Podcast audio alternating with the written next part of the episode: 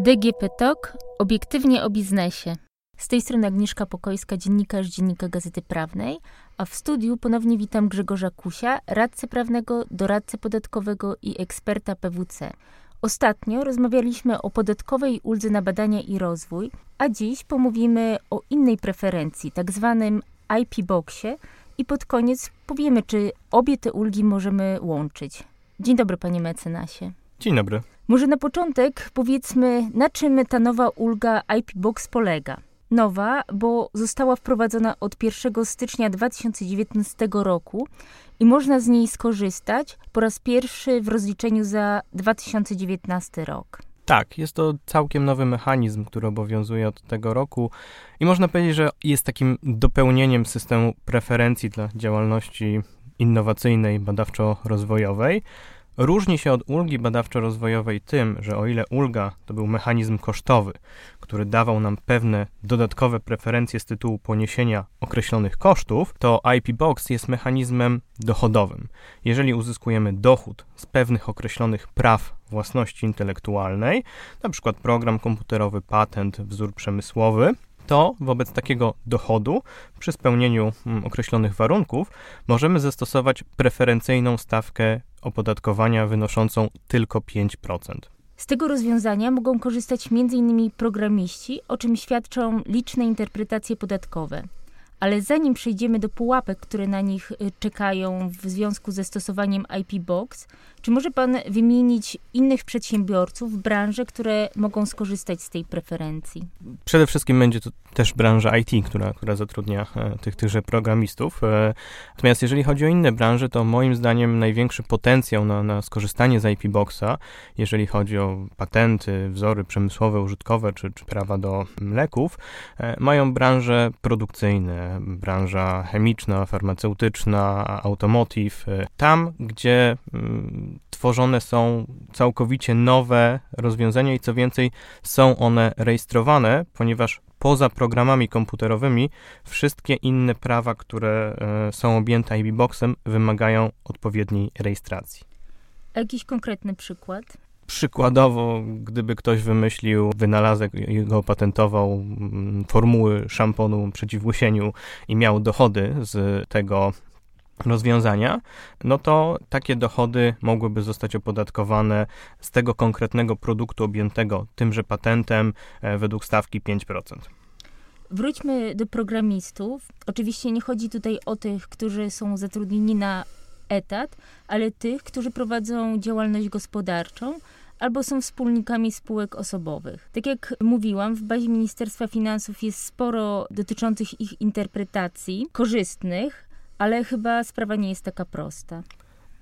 Tak, e, ponieważ e, generalnie, jak się popatrzy na definicje i przepisy, to nigdzie tak naprawdę nie ma e, jakiejś pełnej definicji programu komputerowego, czym on jest i, i, z jakich elementów się składa, a jednocześnie programy, których używamy na co dzień, są bardzo złożone, bo to nie nie tylko kod źródłowy, ale grafika, muzyka, pewne interakcje w grach komputerowych to są dialogi, muzyka, fabuła i, i tych elementów, jeżeli chodzi o programy komputerowe, jest bardzo dużo. E, w objaśnieniach ministerstwo moim zdaniem idzie w kierunku takiego trochę szerszego rozumienia programu komputerowego jako pewnej e, zamkniętej całości. Niemniej e, samo wskazuje w tych objaśnieniach, żeby podatnicy pytali Krajową Informację Skarbową w drodze indywidualnych interpretacji, czy to, co oni konkretnie robią, może być uznane za program komputerowy. I faktycznie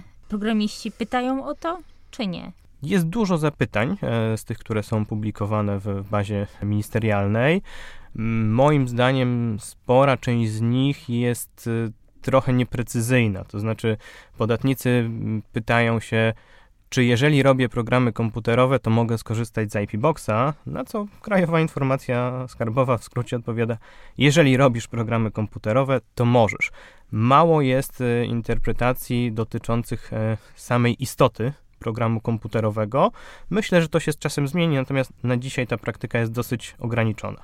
A jak zadać pytanie, żeby uzyskać taką odpowiedź, która będzie chroniła podatnika? Trzeba moim zdaniem przede wszystkim dosyć dokładnie opisać, co i w jaki sposób jest robione i czym jest ten program komputerowy w tej konkretnej sytuacji podatnika, e, który z tym zapytaniem występuje. Ale rozumiem, że w stanie faktycznym nie możemy już powiedzieć organowi, że to jest program komputerowy, tylko tak naprawdę się zapytać, czy to, co robimy w opisie, to jest coś, co podlega tak, e, czy preferencji. to jest program komputerowy, który, e, jeżeli będziemy uzyskiwali z niego dochód, uprawnia nas do e, określonego odliczenia. No i wtedy to pytanie już nie ma tego elementu, jeżeli robię programy, tylko wprost pytamy, mhm. czy to, co robię, uprawnia mnie do e, skorzystania. Ale musimy tutaj zaznaczyć, że nie wszystkie programy komputerowe podlegają tej preferencji. Zgodzi się pan? Tak, tutaj musimy być e, bardzo ostrożni, jeżeli chodzi o to, o co pytamy i co chcemy rozliczać, bo oczywiście można się rozliczyć bez pytania Krajowej Informacji e, Skarbowej. I powiem tak, o ile mamy do czynienia z takim kompletnym rozwiązaniem, gdzie ktoś najpierw je wymyślił, czyli miał tą własną działalność badawczo-rozwojową i od A do Z stworzył i, i skomercjalizował w tym sensie, że uzyskuje dochody z tego programu, no to miałbym relatywnie mało wątpliwości co do tego, że taki program może się kwalifikować na preferencje z tytułu IP Boxa. Natomiast w przypadku mniejszych fragmentów, e, gdzie ktoś robi pewien kawałek programu komputerowego, otwiera się trochę pole do dyskusji, czy to, co dana osoba zrobiła, może zostać uznane za program komputerowy, czy też nie. Ale też słowem kluczem tutaj jest nowość, tak? Bo jeżeli zrobimy program taki podręcznikowy, to rozumiem, że tutaj nie możemy skorzystać z tej preferencji, bo to nie jest innowacja. I tutaj najważniejszą rzeczą jest to, że to musi być w ramach działalności badawczo-rozwojowej.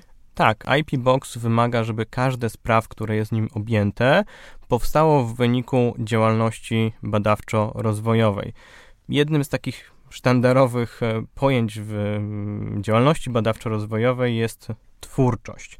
E, w związku z czym, jeżeli ktoś zrobi coś, co tego pierwiastka twórczości nie ma, czyli no, mówiąc prosto, no, przepiszę podręcznik, no to, to oczywiście ciężko tutaj powiedzieć, że mamy do czynienia z czymś, co powstało w wyniku działalności badawczo-rozwojowej i takie coś z preferencji yy, nie będzie mogło korzystać. Powiedział Pan, że właśnie nie ma definicji programu i też e, Ministerstwo dokładnych instrukcji nie daje. Jak pan widzi program komputerowy? Co dla pana jest programem e, komputerowym, który podlega IP Boxowi? I czy może pan jakieś przykłady konkretne tutaj wymienić? E, tak jak powiedziałem, tam gdzie mamy do czynienia z pewnym kompletnym rozwiązaniem, które powstało w wyniku działalności badawczo-rozwojowej programisty czy, czy firmy informatycznej, e, myślę, że te, te wątpliwości, czy to jest program, są marginalne. Tam, gdzie tworzony jest mniej mniejszy fragment całości, no zaczyna się pole do interpretacji. No, moim zdaniem, jeżeli jesteśmy w stanie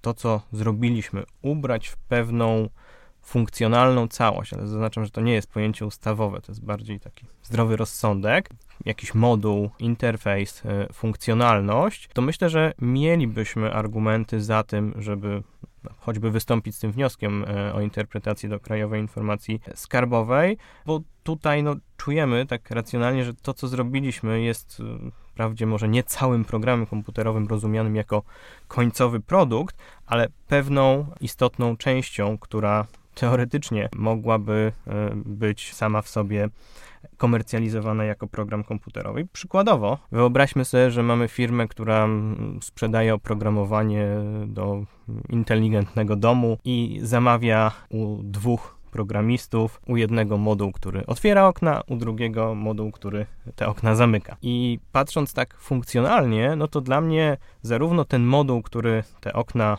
otwiera, jest programem komputerowym, jak i ten moduł, który je zamyka. Tylko oczywiście komercyjnie i biznesowo pewnie nikt na rynku, w sensie klienci, nie kupiłby rozwiązania połowicznego i kupuje pewną całość, która zarówno otworzy, jak i zamknie to okno i, i to jest produkt, który finalnie sprzedaje ten zamawiający y, na rynek.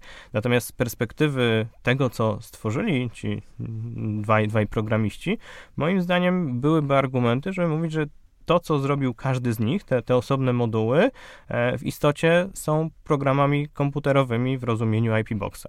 Czyli nad projektem może pracować kilku programistów, ale każdy z nich musi zrobić program, który będzie odrębną całością.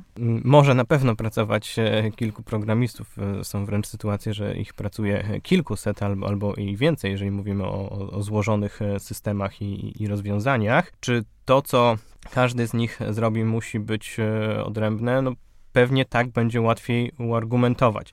Im mniejsza część, którą dana osoba zrobi, moim zdaniem, tym trudniej będzie jej wykazać, że to, co zrobiła, to jest program komputerowy. No, w skrajnym przypadku mówimy o tym, że dwie linijki kodu źródłowego mogłyby teoretycznie być e, programem komputerowym, a chyba nie o to chodziło ustawodawcy. Przejdźmy do tego, jak programiści w ogóle mogą się zabezpieczyć na wypadek kontroli. Załóżmy, że po kilku latach do takiej osoby przychodzi kontrola, jak wówczas udowodnić, że y, to, co zrobiliśmy, to faktycznie jest program? Tu trzeba mieć na, na uwadze, że programiści, którzy są samozatrudnieni, y, pracują w tej, tej formule B2B, to są niezależni przedsiębiorcy. Po drugie, ten rynek y, cechuje się wysoką rotacją, więc często po kilku latach firma, dla której zrobiliśmy coś kiedyś, już z nami nie współpracuje.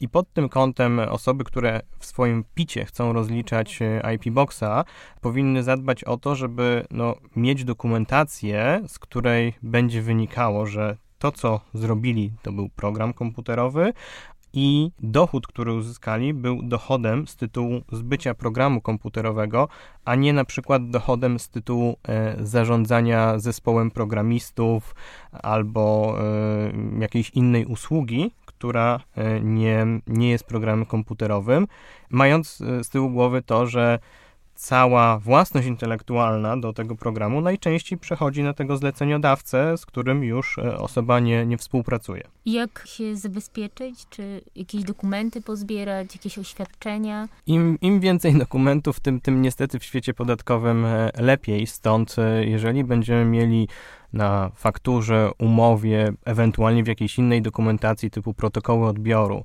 wskazanie, że to, co stworzyliśmy i za co nam zapłacono, było programem komputerowym, to e, takiej kontroli mm, podatkowej w przyszłości e, można się bać mniej, ponieważ no, mamy dokumentację, dzięki której jesteśmy w stanie udowodnić, że to, co odliczyliśmy, jak najbardziej do IP Boxa się kwalifikowało. Kolejnym wymogiem, który jest potrzebny do spełnienia, aby skorzystać właśnie z preferencji IP Box, to właściwa ewidencja. Jak ona powinna wyglądać, bo przecież nie wystarczy po prostu prowadzić e, księgę przychodów i rozchodów. Nie, przepisy mówią wprost, e, trochę podobnie jak przy uldze badawczo-rozwojowej, że w ramach naszej ewidencji musimy dokonać wyodrębnienia przychodów i kosztów związanych z każdym jednym kwalifikowanym prawem własności e, intelektualnej.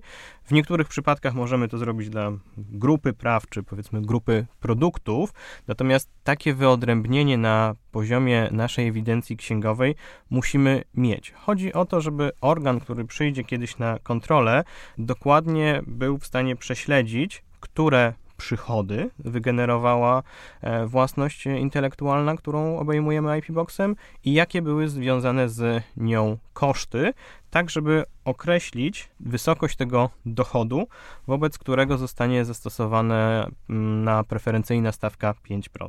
Brak takiej ewidencji y, spowoduje, że fiskus zakwestionuje 5% stawkę, co jeszcze może e, przynieść taki skutek? Tak, to, to, to prawda. Przepisy wprost mówią, że jeżeli mm, nie ma wyodrębnienia ewidencyjnego dla praw e, własności intelektualnej, jeżeli chodzi o tą, tą stronę przychodowo-kosztową. Prawo do 5% może zostać e, zakwestionowane. Stanie się to również wtedy, kiedy prawo zostałoby uchylone, czyli przykładowo rejestrujemy patent, e, ale po jakimś czasie nasz konkurent e, skutecznie przed e, urzędem patentowym czy, czy innym organem podważa na, nasze prawo, mówiąc, że ktoś wymyślił to rozwiązanie już wcześniej i, i ono nie, nie ma wszystkich przesłanek patentowalności. Wtedy też utracimy prawo do, do korzystania z 5%, a jednocześnie nawet jeżeli mamy ewidencję, ale nie będziemy mieli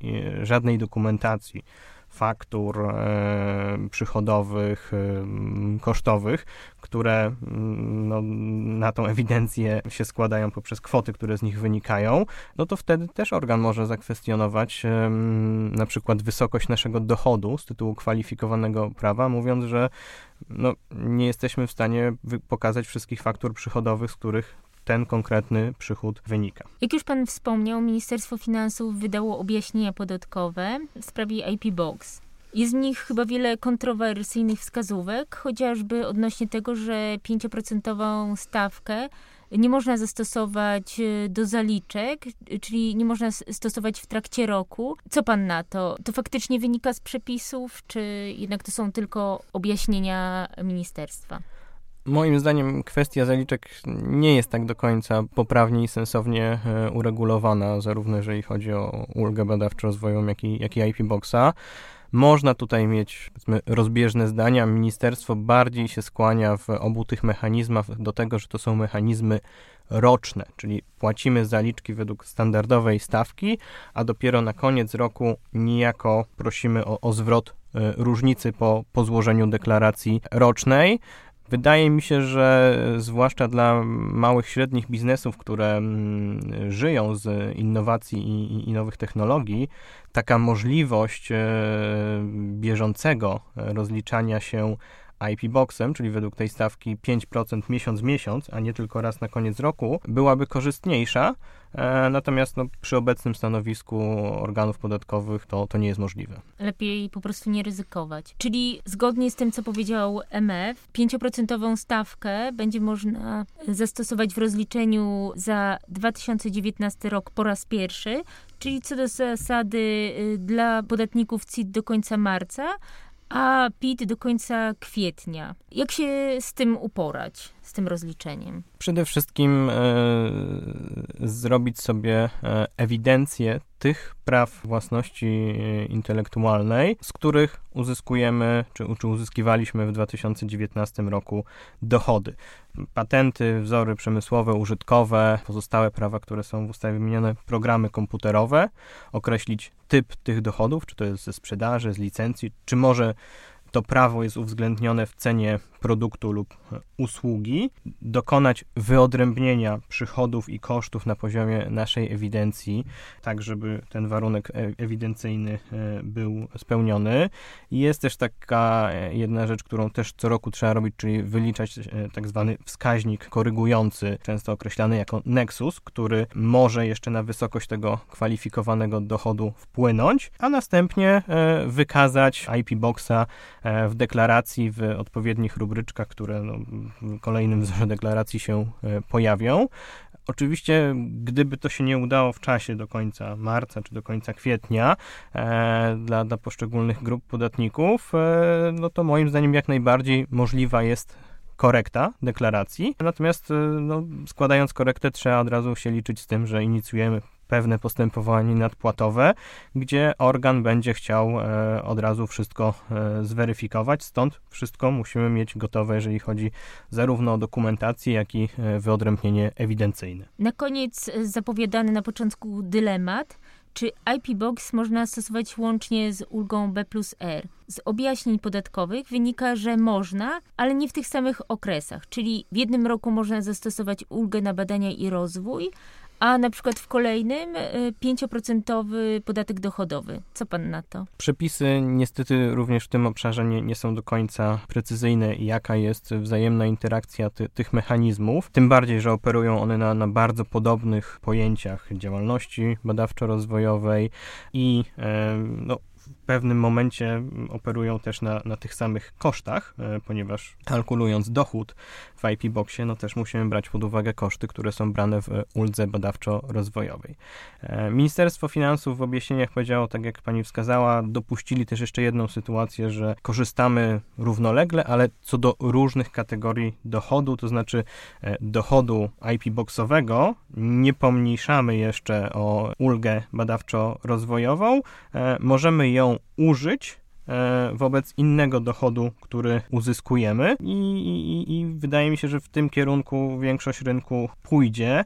Czy używanie ulgi w sytuacji IP Boxa e, byłoby uzasadnione? Wydaje się, że w niektórych przypadkach e, tak. I, i, i moim zdaniem te, te mechanizmy można byłoby łączyć, czyli od IP Boxa odliczyć e, ulgę, no bo jeżeli wyobrazimy sobie e, startup, który ma jeden produkt, jedną technologię, z której żyje, czyli w uproszczeniu wszystko, co ma, wchodzi do, do, do IP Boxa, no to dlaczego tylko z tego tytułu, że ma tylko jeden produkt, e, nie mógłby skorzystać z ulgi badawczo-rozwojowej.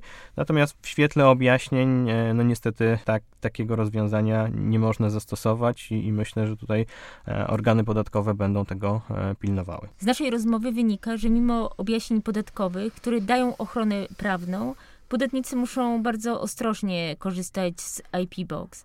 Dziękuję za rozmowę. Dziękuję bardzo.